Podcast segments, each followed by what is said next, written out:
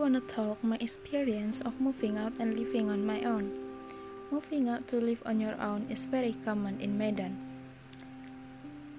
Many people choose to live in their own even though they have family in Medan. There are several reasons behind. Firstly, Medan rent is cheap. To rent a room in Medan, we only need to pay around 300,000 rupiahs until 700,000 rupiahs. So, they don't have to thought along about renting a room. The most important reason for independent living is to save traveling time to campus or to work. If I live in my family place, it may take about 60 minutes to go to the campus. From my new house, it just takes me 10 minutes, so I save 50 minutes traveling time. I don't have to get up so early, so I save a half of my traveling cost.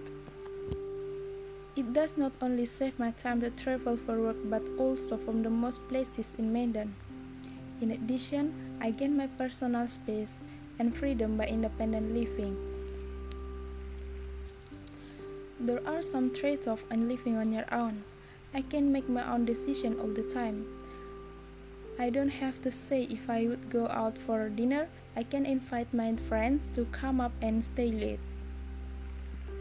Money is the main issue in living on your own.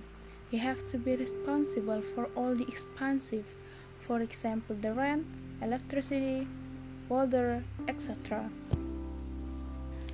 Therefore, you have got to be well prepared and save up for your bills.